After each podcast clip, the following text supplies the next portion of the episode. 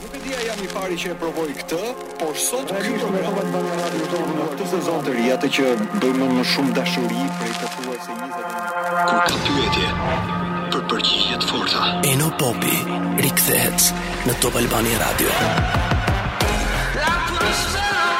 Dilema sociale. Përshëndetje të gjithëve, mirë se vini tek Dilema sot në radio, kur ky mes i javës një pjesë e mirë shfrytëzojnë sa mundin dritën dhe kapin pasditat jashtë me gjas mund t'i gjejë tani në timon një pjesë e mirë dëgjuesve, si pjesë e marrëdhënies që mbajnë me radion çdo ditë. Zyrtarisht jemi ende me kufizime, edhe pse në të përditshme askush nuk i ve më re këto lloj kufizimesh. Domethënë ju shihni të, ose dëgjoni tani është bërë statistikore kjo që del komisio, komiteti i ekspertëve dhe thotë që gjërat nuk ndryshojnë. Megjithatë, siç ju thashë, numrat e të prekurve me Covid janë ulur dhe së paku me raportimet zyrtare, gati në nivel minimal. Dhe hallet me Covid duket se ia kanë lënë Radhën ca historive të tjera që ne po i përjetojmë çdo ditë, për shembull më e fundit radhën e sherrave me kontrollorë të fluturimeve në Rinas. Debateve politike me armiq se kush e nxiti gjithë këtë mesele të panevojshme për qytetarët që fluturojnë hallit të vet dhe ndëshkimeve stil Turqie me polici dhe ushtri për të cilat është hapur një debat publik se a duhej vepruar kështu ndaj disa njerëzve që kanë pretendime sindikaliste dhe që në fakt me veprimin që bënë dje prekën jetën e shumë njerëzve këto 48 orë që duhet të merrnin avionat nga Rinasi apo për në Rinas. Në këto momente që flasim ne, për punojësit e ndaluar nga policia të Albcontrol-it do të mbahet një protestë përpara drejtorisë së policisë. Ndërkohë që për veprime me dashje që kanë cënuar elementë nga siguria deri tek jeta e njerëzve që kanë mbetur rrugëve Prokuroria është mirë që të nisë hetimet dhe të vihet në veprim sa më shpejt. Ndërkohë pas zgjedhjeve datës 26 vjen një stërvitje e rëndësishme ushtarake amerikane në Tiranë. Pra ne kemi zgjedhjet datë 25, 26 vijnë amerikanët për të bërë një stërvitje ushtarake në Tiranë. 17 ditë përpara se kontrollorët e fluturimeve në Shqipëri të vinin nga Turqia dhe kontrollorët turq në këtë moment që flasim të kontrollojnë hapësirën ë dhe të të, të ku di unë, të jenë aty për të bërë uh, veprimtarinë funksionale që disa syresh e lanë dje nga tanët. Megjithatë kjo është historia jonë. Kurse, në fakt, në një botë paralele ndodh një tjetër gjë prej ditësh. Kompanitë Moderna, Pfizer, Universiteti i Oxfordit kanë nisur një studim për të vlerësuar për herë të parë sigurinë dhe përgjigjen imune kundër vaksinës COVID-19 tek fëmijët dhe tek adoleshentët. Kanë filluar testimet në botë, testimi do të përcaktojë nëse vaksinat janë efikase për të miturit nga mosha 6 deri në 17 vjeç. Për shembull, për AstraZenecan rreth diku tek 300 vullnetarë janë regjistruar për vaksinimet e para që po bëhen këtë muaj. Kolegji Mbretëror i Pediatrisë në Britani, pra në Angli, thotë se ka prova që COVID-19 mund të shkaktojë vdekje edhe tek fëmijët. Edhe pse kjo është e rrallë, por le ta mendojë dikush te fëmija vet, për shembull, dhe shef si dridhet. Por lajme në formë gati të marketingut tregtar tregojnë se për shembull fjala vjen dalin lajme të tipit vaksina kineze dhe Sinovac po rezulton efektive tek fëmijët, testet klinike të deritanishme tek 500 fëmijë dhe adoleshentë në Kinë nga 3 deri në 17 vjeç treguan se vaksina nxiste reagimin imunitar të mjaftueshëm kundër infektimit me COVID-19. Okej, eventualisht kjo vaksinë dhe për fëmijët do të ndodhë dhe do të vijë. Por sa të gatshëm janë prindërit që deri tek fëmijët ta shtrijnë rrezën e marrjes përsipër të vaksinimit? Lajme të tilla natyrisht shoqërohen edhe me gjasë se mund të bëhet e detyrueshme prezenca në shkolla apo kopshte e fëmijëve të vaksinuar. Dhe kjo mjaft të lexosh komente kupton acarimin pafund të prindërve të cilët thonë se imunizimi i fëmijëve nuk mund të çohet ndërmend të bëhet i detyrueshëm. Dhe për këtë do të flas sot tek dilema në radio. Dilema sociale në Top Albania Radio. A kush më njeh e di drejt që unë kam një ves kjo e dhe reflektuar prej periudhës së Wake Up-it, eh, kur fiksohem me disa njerëz që artikulojnë gjëra të cilat praktikisht ty ia vlen t'i dëgjosh, pastaj lidhja bëhet e pashmangshme. Po kështu, si racë tradicionaliste. Un kam uh, doktor Ilir Alimehmetin në program. Mirëmbrëma doktor, faleminderit që erdhe. Un um, kam përshtypjen që ti më dëgjove pak kur them se realisht në një botë paralele e cila është vazhdon me kërkimin uh, kërkimin laboratorik mm. dhe shkencor po testohen fëmijët dhe adoleshentët sot për vaksinën. Shiko, ne jemi një vend ku Po lexoja pak përpara, ministrja Manastirliu për shkak edhe të ngërçit që ndodhi me administratën e fluturimeve civile të Albcontrol-it, thoshte sot që desh na humbën gati 100.000 vaksina se mund po t'i kishim lënë aty na i merrshin vendet e tjera, por praktikisht i mbajti.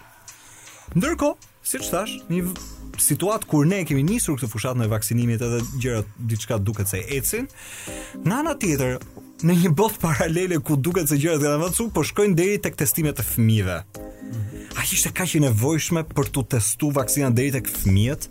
Pse eventualisht do të bëhen edhe për fëmijët vaksinat? Po, mos harrojmë që Mbas kësaj ke një ke një histori kush i teston vaksinën. Kush teston çdo produkt? Kompanitë. Kompanitë, eksakt. I testojnë kompanitë. Po në fund fare licencimet, rregullimet, rekomandimet i bëjnë autoritetet shtetërore. Që do të thotë, që do të thotë, ti mund të testosh një diçka që të shkon mendimi, pra, çfarëdolloj produkti. Në këtë rast është vaksinë, po mund të hmm. ishte një kokërr ilaçe të çfarëdolloj tipi.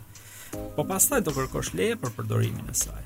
Nëse të jepet leja ose jo, pastaj i takon një autoriteti. Thuaj që me gjasë për shembull fjala vjen diku ndërpritet ndërpritet, si me thënë, gjithë kjo rruga që nga prodhimi deri tek testimet, mund të bëhet eventualisht një vaksinë gati për fëmijët dhe pastaj thotë EMA që fëmijët s'është e nevojshme. Eksakt. Mund të ndodhë, madje mund të thotë edhe është e kundërindikuar. Si mund të kjo? Se ke edhe po jo, mund të të fare mirë. Ky është një investim. Vetëm m'u afro pak. Për çdo për shumë ah, okay. për shumë molekula të ndryshme ndodhin investime. Firmat farmaceutike në mënyrë të vazhdueshme kërkojnë. Dhe jo çdo kërkim përfundon detyrimisht në një molekulë të suksesshme. Mm -hmm. Shumë abandonohen rrugës, për futilitet, se kanë pas pak efekt, se nuk intereson më njerëzve. Imagjinoni vaksinën e SARS-CoV-1-shit. Mm.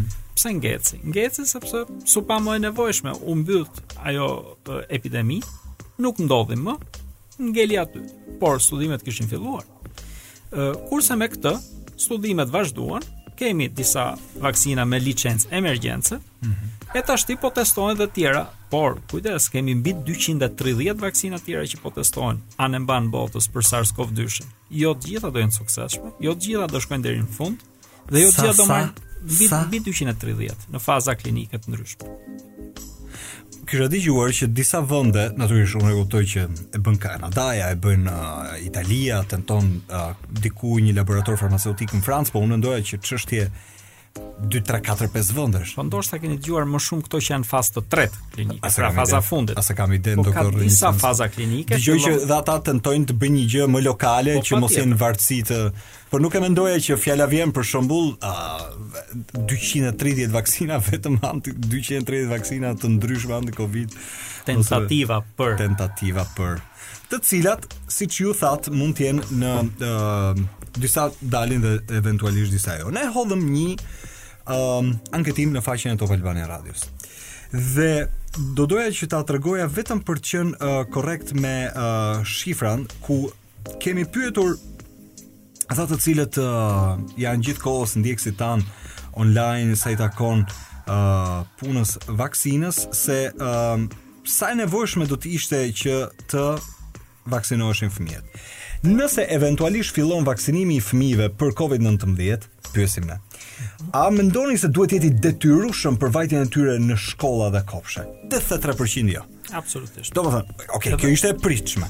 Por kam përshtypjen që pjesa më e madhe e prindërve as nuk janë gati ta mendojnë se fëmijët mund të marrin një vaksinë ekstra përtej atyre që mund të jetë kalendari i detyrueshëm. Për shumë arsye. Për çfarë arsye?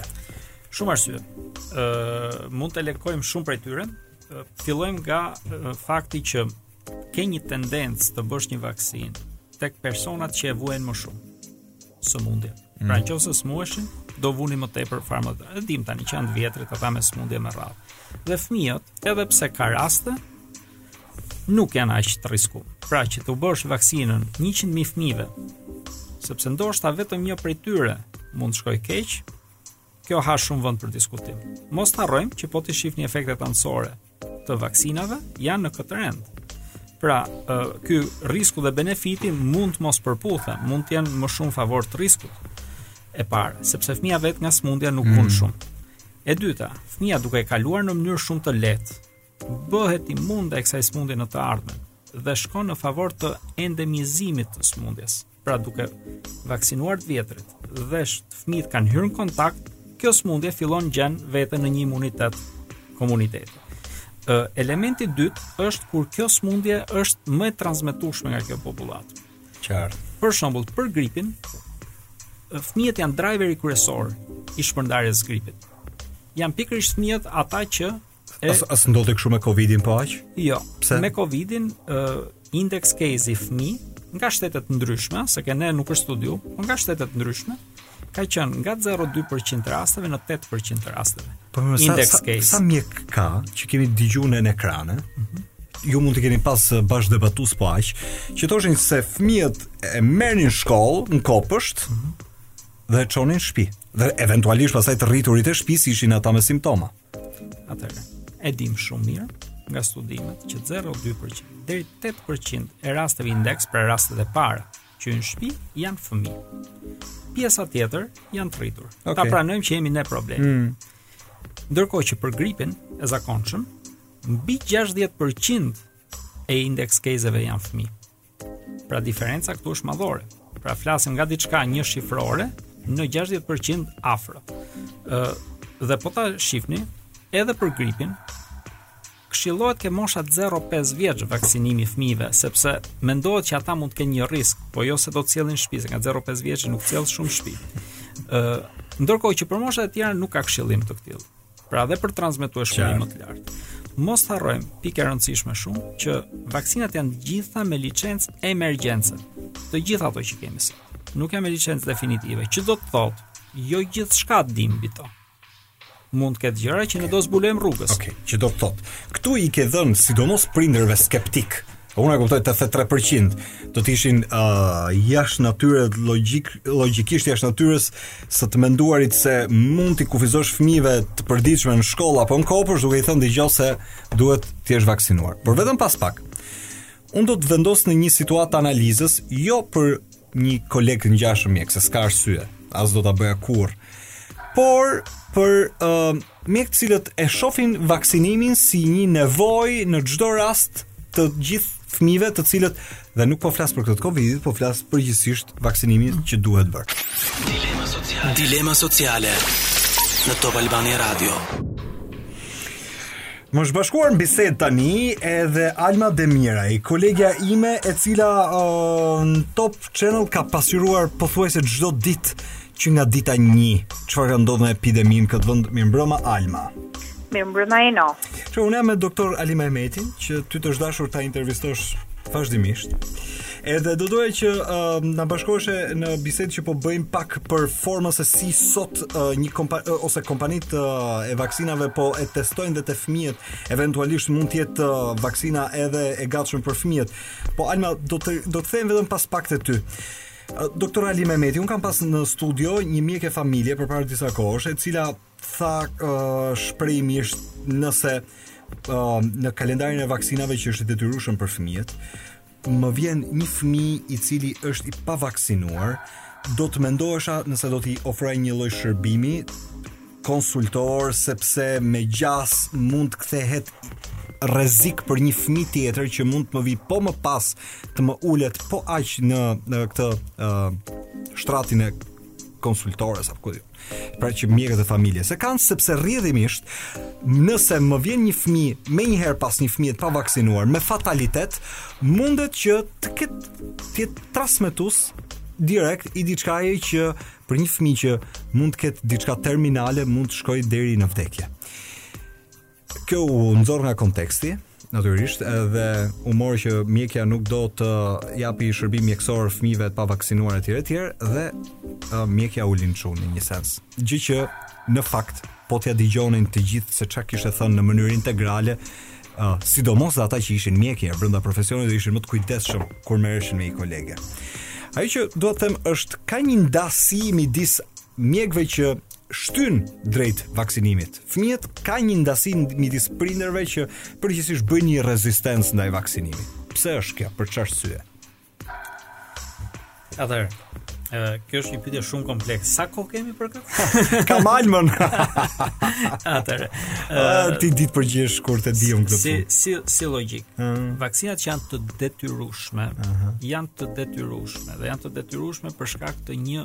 logjike dhe një organi dhe një vendimmarrje mm. zyrtare shtetërore.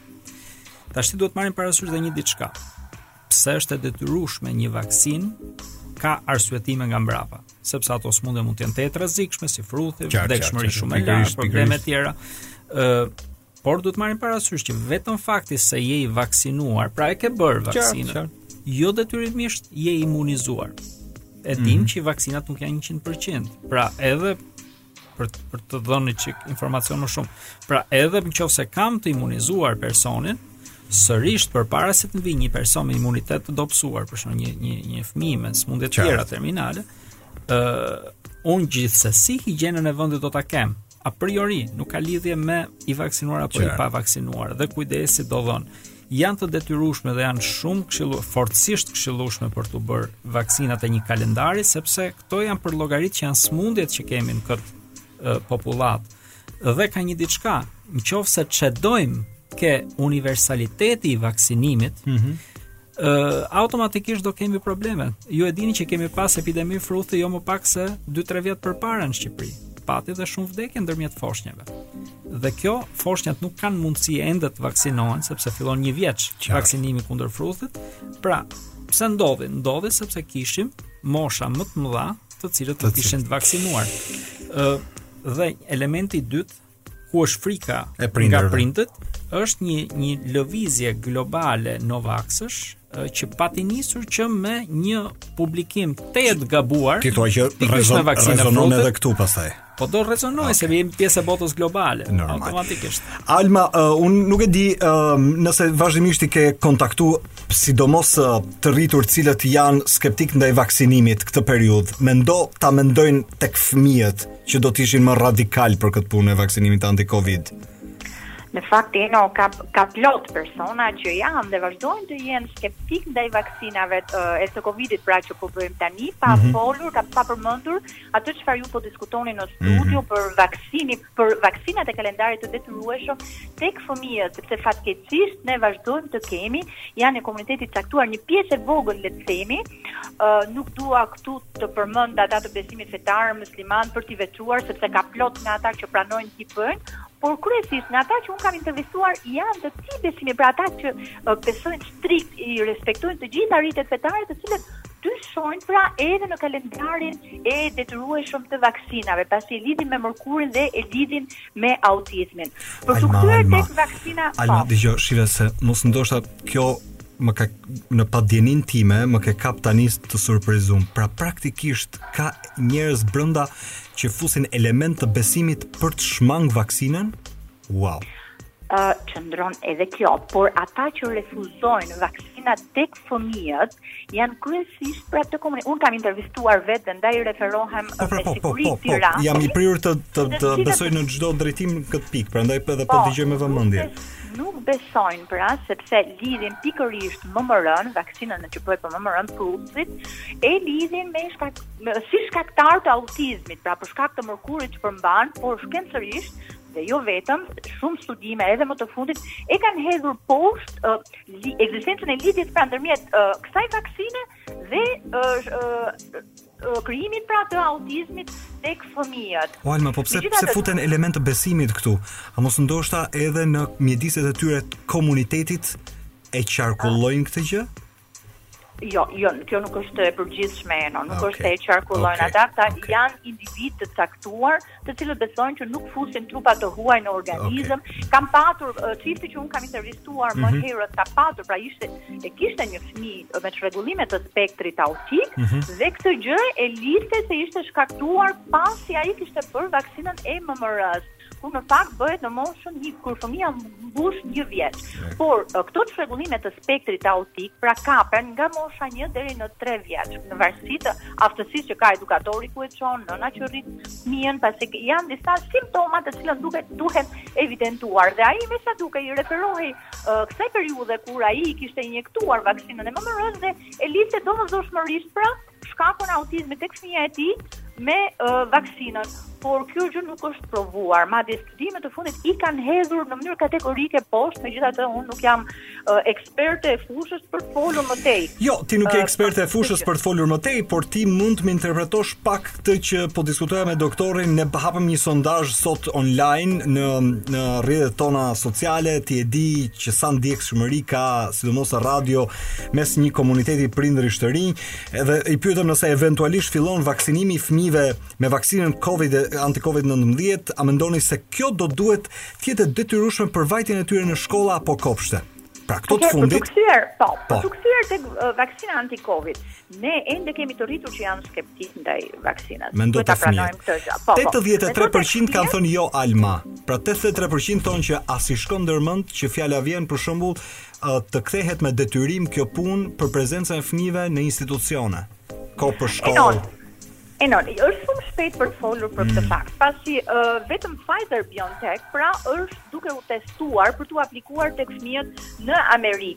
Po flitet edhe për uh, CoronaVac, pra vaksinën kineze, mm. e cila në bazë të disa studime ka dalë, studimeve ka dalë efektive tek fëmijët, por gjithsesi nuk janë nuk kanë konkluduar përfundimisht, pra nuk janë të dhëna zyrtare okay. për të filluar dhe për ta aplikuar. Derisa edhe tek ne, ku ne kemi qenë skeptikë Që në fillim me vaksinën ndaj të rriturve, por ama po të shikosh tani se si kanë rendur dhe kanë nxituar njerëzit për të bërë vaksinën, besoj që edhe tek ne do bjerë poshtë kjo nëse EMA, FDA, pra Agjencia Europiane e Barnave apo japin dritë jeshile, po.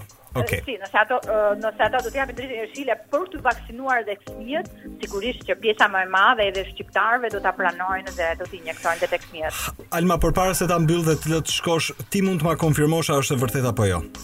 Tek në sheshin Skënderbej vazhdimisht kanë qarkullu foto të sheshit bosh.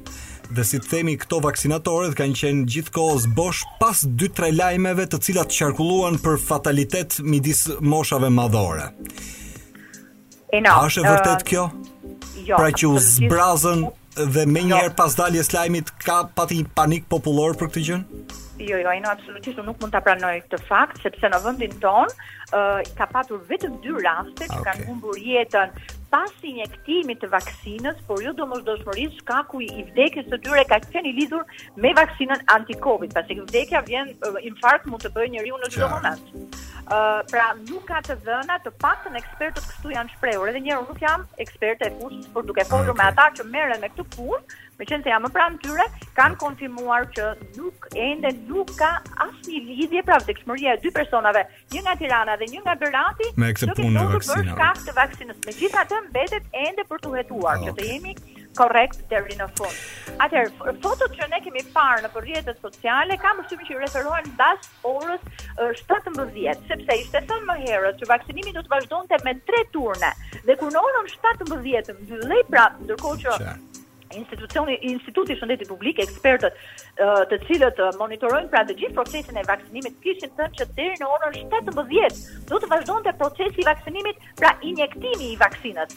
Më pas turni i tretë ishte kontakti që do lidhte mjeku i familjes me pacientët. Kjo që rrjedhimisht ti thua ka qenë çështje orari, po e di si ti ti, ti je gazetari komunikim ti e ke të qartë se si është interpretuar kjo në rrjete sociale. Alma ta mbyll. Ë, uh, nëse eventualisht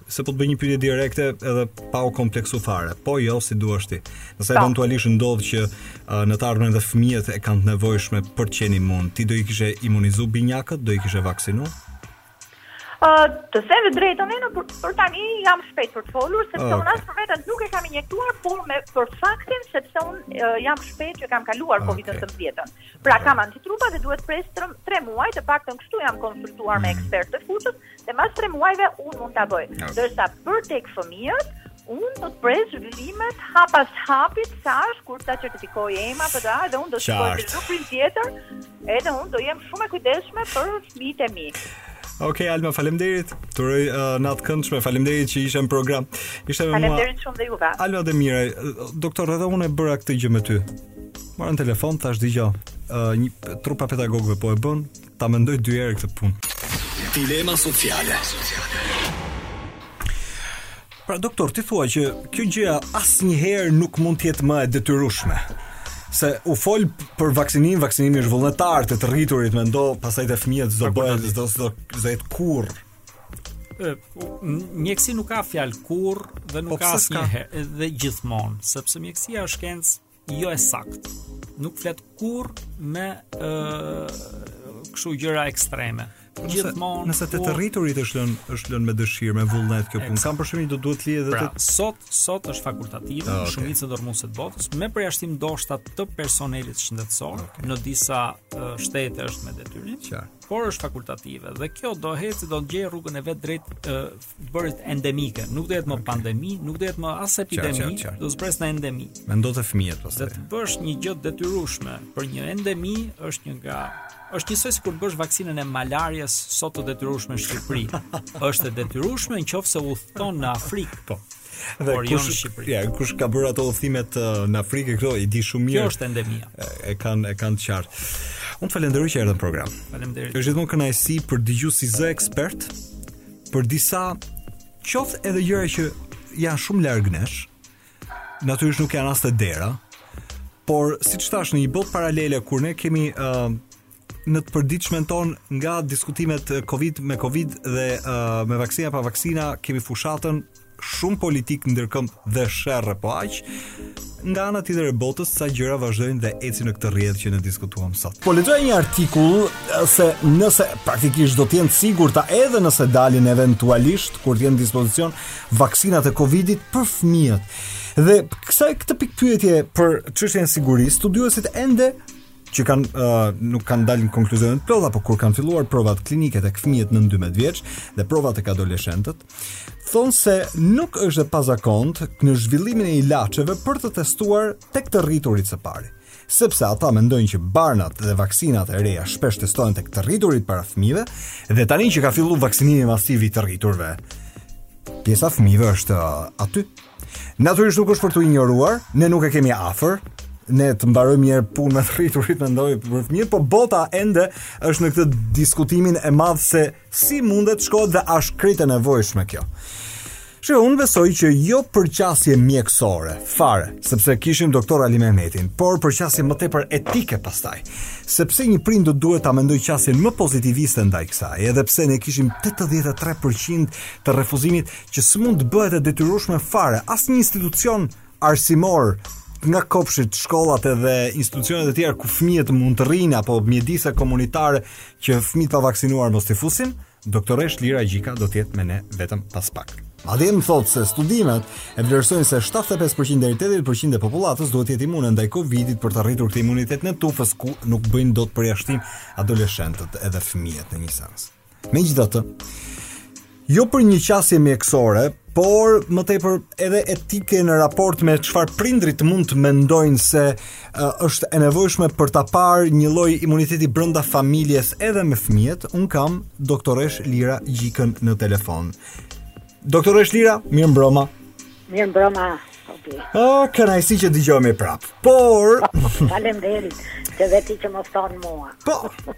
Po, po pse jo? Ja? Por tani, unë nuk e di ti uh, i besoj si gjithë pjesa tjetër. Ne po e diskutonim në një botë paralele tani kanë filluar të bëhen këto provat e vaksinimit për fëmijët dhe adoleshentët. A mendon ti që është mirë kjo punë apo të duket po aq e panevojshme që të shkonim deri tek vaksinimi i fëmijëve dhe adoleshentëve për Covidin? Jo. Unë jam pro vaksinës. Aha. Uh -huh. e para, sepse unë kam punuar domethënë nga 84-a deri në 2002-shin kam punuar, kam qenë mjeke këshillimore, mm -hmm, mm -hmm. dhe natyrisht që bëj pjesë tek ata që janë pro vaksinave, sepse me atë jam marrë, dhe Për vetë punën time 40 vjeçare kam parë shumë raste dhe dëmin e madh kur s'ishin vaksinat, domethënë sa fëmijë jo vetëm kanë humbur jetën, por që janë invalidizuar nga sëmundje të ndryshme, që të vegjël, dhe se si duke përdorur vaksinën, duke u aplikuar vaksina se sa është minimizuar numri i këtyre uh, problemeve invalidizuese.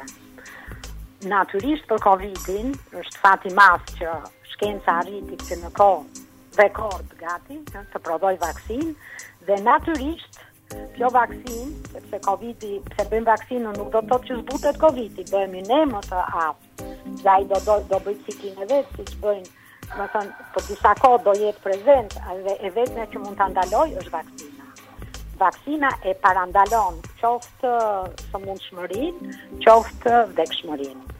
Kështu që patjetër që pastaj si do aplikohen teknikat apo doza të vegjël të mëdhenj këto, pastaj i ngelet shkencëtarëve që merren direkt me këtë punë që janë specializuar në këtë fushë dhe ato do japin skemat si do veprohet. Por që natyrisht e gjithë popullata dhe fëmijët bëjnë pjesë në gjithë popullatën. Pikërisht, edhe dhe kështu që është e domosdoshme. Doktoreshë Lira. Dhe uroj, uh -huh. po më fal, uroj që të bëhet për shembull siç është vaksina e poliomielitit. Uh -huh. Apo se edhe poliomieliti është një virus apo jo. Po. Ë, siç të merret që i vogël, që e fillojmë që 2 muajsh deri në 6 muaj pastaj përsëritet dhe je i mbrojtur për gjithë jetën. Për të kryer imunizimin. Megjithatë, doktoresha, unë do të vendos tani përpara një skepticizmi që ti e njeh mirë që është skepticizmi i prindërve. Ne po ashtu pyetëm sot, nëse a do të ishte logjikshme të bëhej në një farë forme edhe për të pasur uh, fëmijë më imunë në institucione, tipit kopshte apo shkolla, një lloj forme e detyrueshme e vaksinës. 83% se nuk i hyjmë kësaj duhet apo s'duhet, se kjo pastaj është tjetër histori, po 83% besoj syresh do duhet të jenë prindër, thoshin që në asnjë mënyrë nuk do duhet të shkojmë drejt uh, formës detyruese për këtë gjë. Si e gjykoni ju, ka prindër që të të, të 3% më flet për një mazhorancë gati absolute ku prindërit nuk e duan këtë gjë. Si e gjykon ti? Tashi, kjo tregon dhe për të dëshiruar niveli i prindërve. Po pse?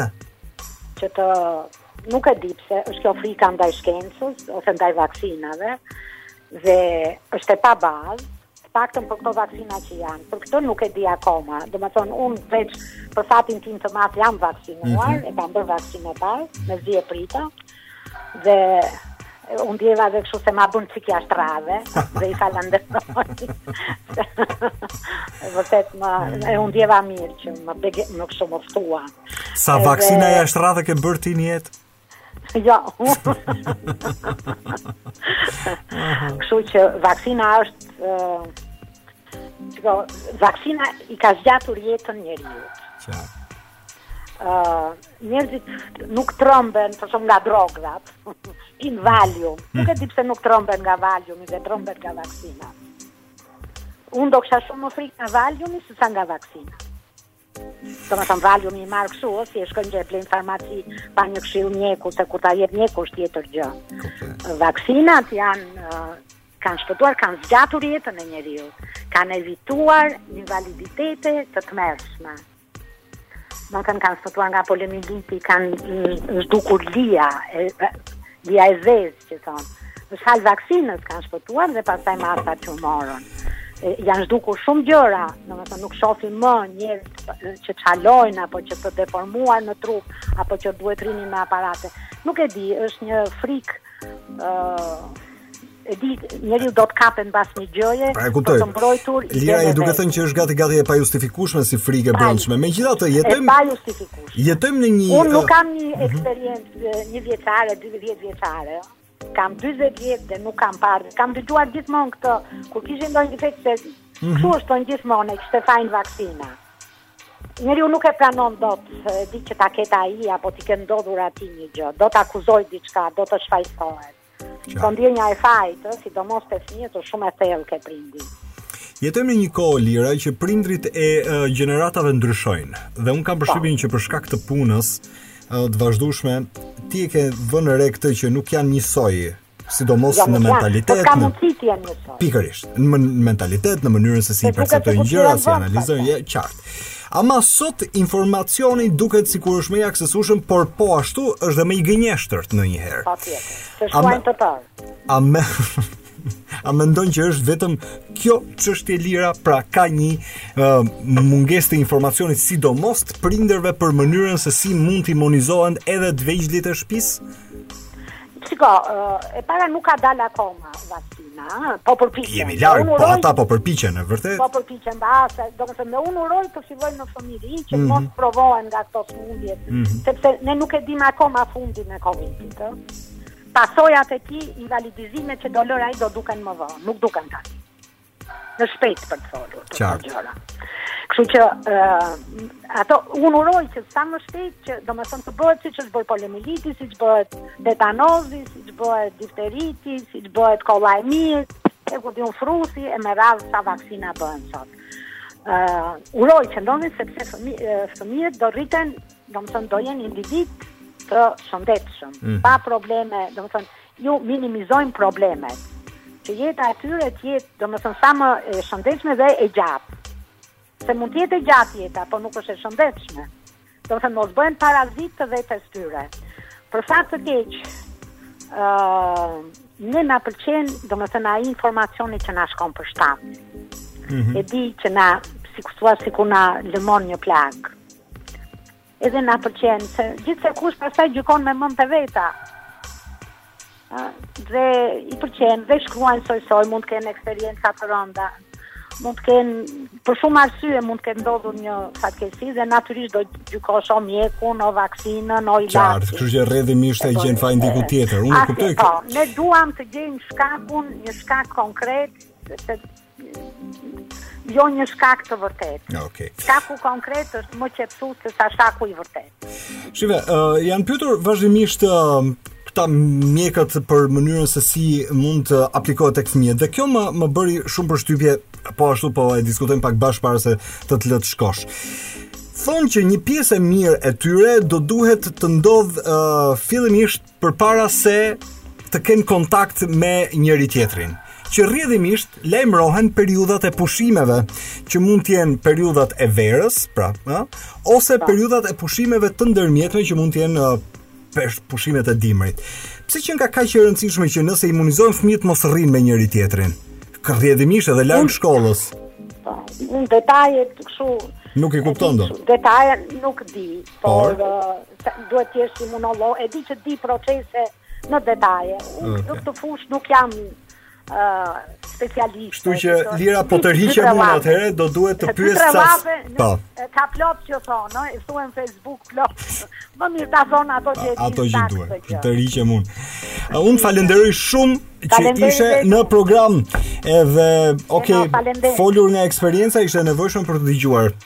Natën e mirë Lira. Faleminderit, natën e mirë.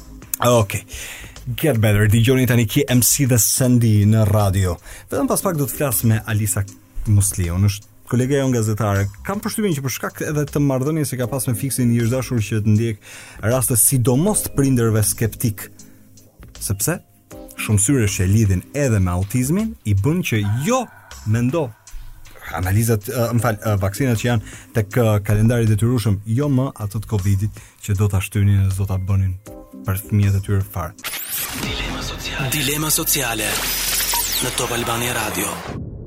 Meqë shërbejmë si agjenci uh, në sensin e informimit të vazhdueshëm gjithë kohës, dhe unë e thashë që në nisje të programit që në Kur ne nisëm programin në orën 18, pra në orën 6 ishte lajmëruar që do të kishte një protestë organizuar për uh, kontrollorët e Rinasit përpara drejtorisë së policisë në Tiranë për ata që janë mbajtur. Dhe duke lexu uh, informacionet që uh, janë online, Top Channel raporton se ka dështuar protesta në mbështetje të kontrollorëve të Rinasit, ishin det maksimumi 6 persona uh, dhe ata 5-6 persona që kanë qenë uh, mbledhur, është një pjesë e tyre janë parë dhe në protesta që janë zhvilluar në kryeqytet, mes tyre protesta kundër teatrit. U kërkua një lloj uh, solidariteti publik, po pastaj ky është lajmi, po kjo ishte për përditësim.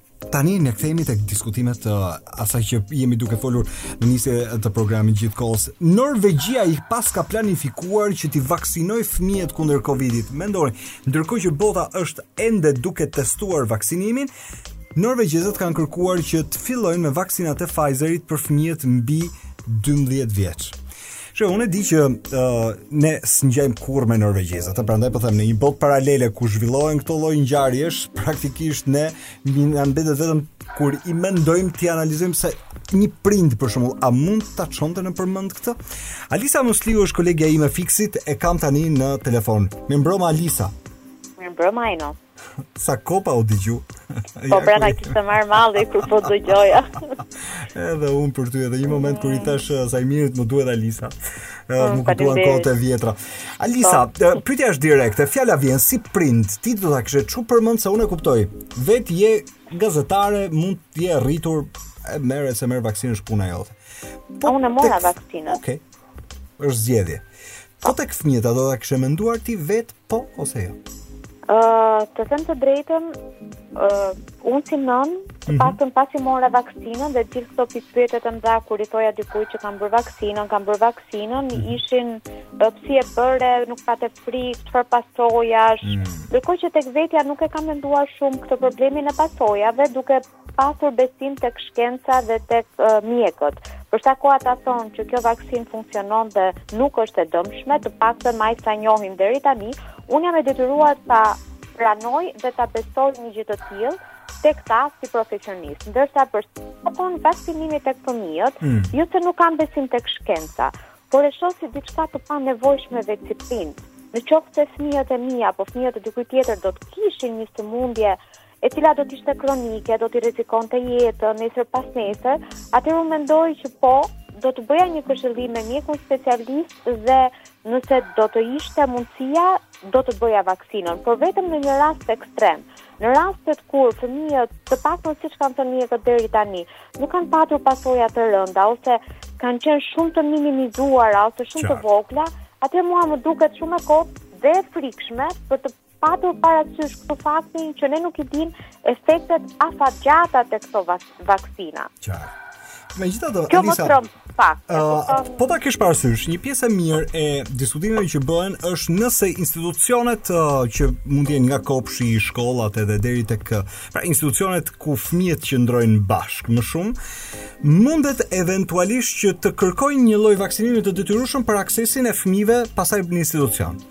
83 për qind i i anketuam ne këto 48 orët e fundit të dëgjuesit 83 për qind janë kundër as e çojnë ndërmend që absolutisht as unë mhm. Në qoftë se do të bëhet diçka me detyrim e tillë, atëherë unë do doja vërtet prova shumë të forta që kjo vaksinë do ishte e sigurt. Sepse për sa kohë fëmijët thonë që nuk e nuk e nuk e transmetojnë shumë virusin, nuk e vuajnë shumë sëmundjen. Atëherë pse duhet të vaksinoj fëmijën tim kur unë nuk e di se çfarë pasojash afatgjata do ketë kjo vaksinë tek fëmija im.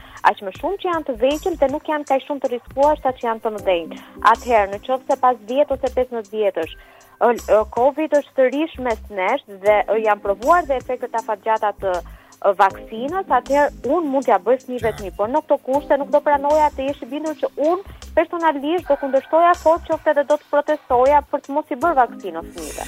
Megjithatë, Aliza, a ke hyrë ti te këto prindrit skeptik që edhe për kalendarin normal të vaksinimit ke pas dyshimet e tua? Jo, absolutisht jo. Okay. Nuk kam hyrë te këto prindër, kam dëgjuar prindër, kam të afërm të mi që uh, nuk kanë pranuar që t'ia bëjnë vaksinat uh, fëmijëve të tyre.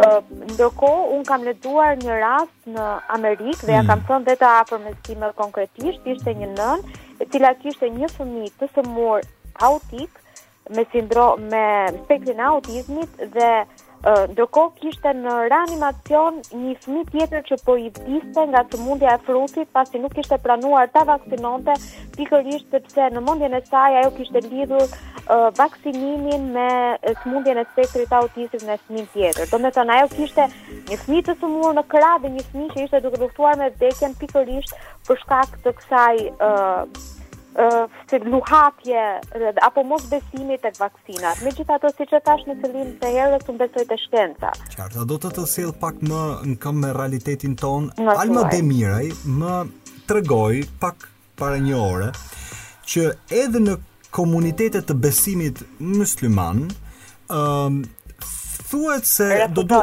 po pra duhet me pas një ose ka, ata kanë një lloj kështu, s'po them refuzimi të dukshëm, por kam përshtypjen që skepticizmin e kultivojnë brenda komunitetit në Instagram. Dhe kjo për mua si njeri që nuk isha fare në dijeni të kësaj, Alma më tha që kjo ndodh. Jo, edhe un jam në dijeni të kësaj. Un nuk e dija. Kjo në një po. pikë më surprizoi se thash me vete ç'hyn kjo pjesa e, e, e besimit në raport me vaksinimin. Por qenka siç thon amerikanët it's a thing, pra është një gjë. O Eno, unë nuk di të them për sa i takon komunitetit musliman në Shqipëri, sepse pavarësisht se unë jam muslimane jo praktikante, kam pasur babin musliman praktikant dhe e njoh atë fe, kam tezen time e cila jeton në Bahrein sot edhe është praktikante e fesë okay. muslimane dhe ajo çka predikohet këtu dhe ajo çka më thotë Tezja ime e cila ka prej vitesh është e martuar dhe jeton në shtetet në Emirate, në Arabi okay. dhe është shumë afër me fenë, është krejtësisht e kundërta. Fëmijët e tezës time janë të gjithë të vaksinuar. Dhe ajo është një muslimane, muslimane praktikante familjarisht. në fakt ishte vetëm për të kuptu uh, nëse po aq do të ishe në dijeni, po me sa kuptoj qenke edhe ti në dijeni si gazetare. Jam në dijeni, jam në dijeni dhe jam vënë në dijeni jo më larg se para një jave, sigurisht kur filloi ky debat i vaksinave, dhe më thanë që komuniteti musliman në Shqipëri, ose më saktë muslimanët, kanë filluar të mos vaksinojnë fëmijët e tyre për shkak të këtyre frikërave.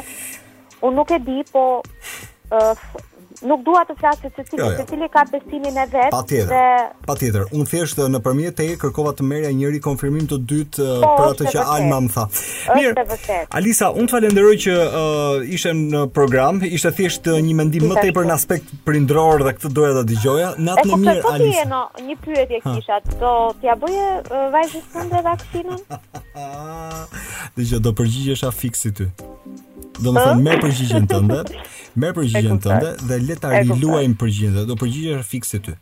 E kuptoj, jo, më vjen, sepse... më vjen mirë të paktën që kam se... zakonisht bëj kështu debate të jo, jo, jo, jo, jo, shumë, uh, si, kur... si, si prind do përgjigjesha fiks si ty, sepse mendoj që kur kërkohet një lloj imunizimi, është pa, di, pa diskutim uh, i bëshëm, por nga ana tjetër nuk do pranoja në asnjë mënyrë që kjo gjëja të kthehej e detyrueshme dhe restriktive për sidomos institucionet e edukimit siç janë kopshtet e shkollat, se do ishte e tmerrshme pastaj do futeshim në një vend i cili ose do të futeshim në vende të cilat uh, ku luhet e drejta e njeriut, po thënë. Aq më shumë që unë sapo lexoja pak mm. më parë, kur po prisja që t'ju hyja në linjë, një studim ku thoshte që imuniteti i fëmijëve reagon jashtëzakonisht shumë ndryshe se sa imuniteti i një të rrituri dhe pa u bërë prova klinike në në një shumë fëmijë ose në në në një masë të gjerë, atëherë është e pamundur që të thuhet në qoftë se efektet anësore do jenë të njëjta me ata me të rriturit. Okay. Shifa, um,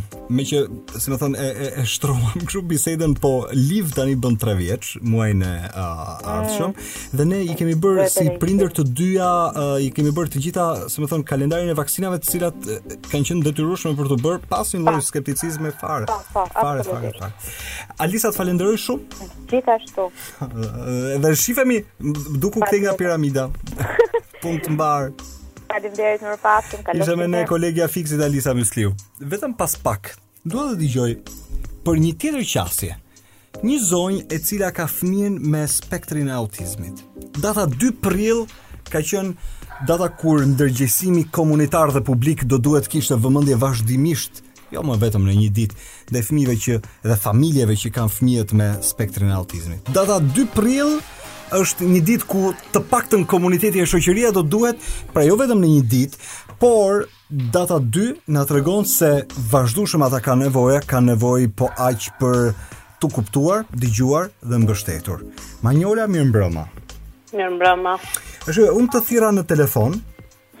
Po.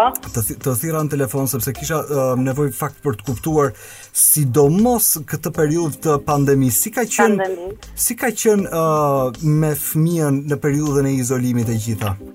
E, ka qenë tepër e vështirë të jetosh me një fëmijë me probleme të spektrit të autizmit dhe me këto kushte që neve jemi sot, Është një kthesë komplet mbrapsh e fëmijëve me probleme, jo vetëm të mësimit, por gjithë fëmijëve mbarë, për arsye se ishin të kufizuar nga shkollat, nga terapitë, nga të gjitha, dhe ata duan shumë kohë për të mësuar një fjalë të vetme, mund të duan 4-5 muaj dhe ndërkohë që ne kemi një vit që jemi futur në në këtë pjesën e karantinës, dhe ata i kanë harruar të gjitha.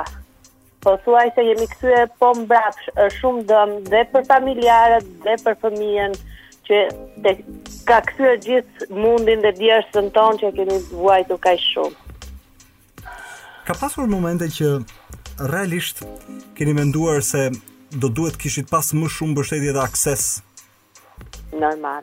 Institucione normal. publike dhe nuk flas. Institucione publike. Çfarë, çka keni dashur si prind konkretisht?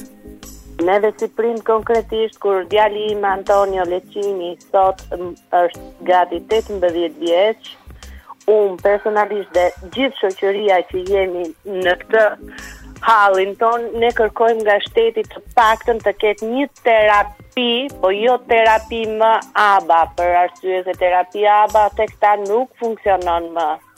Mund të thosha një terapi për vetëshërbimin e vetes, për jetën e përditshme që këta kanë. Këtu nuk ekziston, siç është nëpër vendet e tjera, në Itali apo në Greqi, që ne kemi komunikuar dhe me prindër andej, si funksionojnë terapitë mhm, andej, mhm. andej është një qendër, mund të them, jo qendër rehabilitimi që mund t'i lësh fëmijët edhe të ikësh, po një qendër që i mbante gjatë gjithë ditës për 8 orë dhe këta kishin i zbulonin fushën e inteligjencës ku një fëmijë me autizëm ka atë fushën e inteligjencës. E ka në guzhinë, e ka në not, e ka në bahçe, e ka në teknikë, e ka kudo. Ndërsa ne këtu shteti jonë nuk ka bërë asnjë lloj veprimi për këta fëmijë. Um, unë po diskutoja gjatë gjithë programit sot për vaksinat, edhe rrjedhimisht bota po shtyn, uh, sidomos kompanitë e mdhaja po shtyn uh, disa prej uh, formave të provave ose testime me uh, fëmijë deri adoleshentët. Edhe eventualisht mund të ndodhi që vaksinimi, nëse kjo unë uroj që kjo dreq pandemie të iki, po nëse në rastin më të keq do vazhdonte, do duhej që pastaj të krijohej imunizimi deri tek fëmijët. Si një prind që ka fëmijën me spektrin e autizmit, çfarë ndjesi të jep kur flitet akoma për vaksinim fëmijësh në sensin, për shembull, qoftë vaksina e Covidit, ty nuk të shqetëson? Qoftë edhe vaksina e Covidit, qoftë edhe ndonjë vaksinë gripi, qoftë edhe të mm. tjera, mua më shqetësojnë jashtë mase. Pse? Për arsye se tek fëmijët me spektrin e autizmit ka qenë shkak vaksina që i ka përkeqësuar në kaq shumë. Përderisa ne këtu në Shqipëri nuk ekziston një analizë specifike që ta, kër, ta kontrollojë në gjakun e fëmijës ka mërkur, s'ka mërkur e pranon këtë vaksinë Çfarë mikrobi ka kjo vaksinë për t'ia bërë këtij fëmije? Unë nuk do isha dakord për të bërë vaksina. të tjera. Përfshirë dhe atë të Covidit për imunizim, thoni ju, zonjë. Po. Um, për im... Shumë e do ishte do ishte do ishte pa kuptim që unë të hyja në një debat sidomos me një prind që ka opinionin e vet për këtë gjë. E pakuptimtë fare. Ë, uh, megjithatë, ë, uh, Unë do doja në fakt t'ju kisha në program, prandaj edhe ju thirra për t'ju dëgjuar nëse e gjitha kjo edhe diskutohet mes komunitetit të prindërve, ju e njihni njëri-tjetrin se besoj diku me fëmijët edhe po aq. A diskutohet kjo mes komunitetit të prindërve që kanë fëmijët e prekur me spektrin e autizmit, kjo çështje e vaksinës? Kjo diskutohet. Kjo diskutohet shumë, diskutohet shumë dhe jemi shumë të gjithë prindërit, jo vetëm unë, por jemi shumë në dilemë tani keq t'ia bëjmë e keq mos t'ia bëjmë për arsye se po t'ia bëjmë kemi frikë se mos na i prek më shumë se nuk e dimë se sa përqindje mërkuri se çdo vaksinë ka mërkur dhe kjo e Covidit ne nuk e dimë sa përqind mërkuri ka dhe si do ta mbajë trupi i këtyre fëmijëve Kuptoj.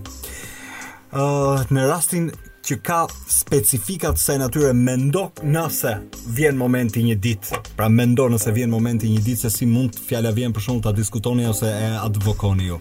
Unë të falenderoj që për pak gjetët kohë me gjithë do të thënë punët që keni në familje dhe vëmendjen që keni ndaj fëmijës, që gjetët kohë për të folur me mua në radio, të uroj natën e mirë. Natën e mirë, gjithë të mirat, shumë faleminderit dhe juve. Okej, okay. nuk mendoj që këta do duhet të ishin uh, fituesit e Sanremos sido që të jetë. Megjithatë, duke ardhur në fund, ju uroj të gjithëve që të keni natë të qetë. Edhe ju presim natyrisht të shtunën, pasnesër, tek dilema sociale. Ama një gjë uh, ti e kupton në fund të çdo programi dhe në këtë rast është që të paktën me shëndetin nuk luhet me lajme. Natën e mirë gjithë.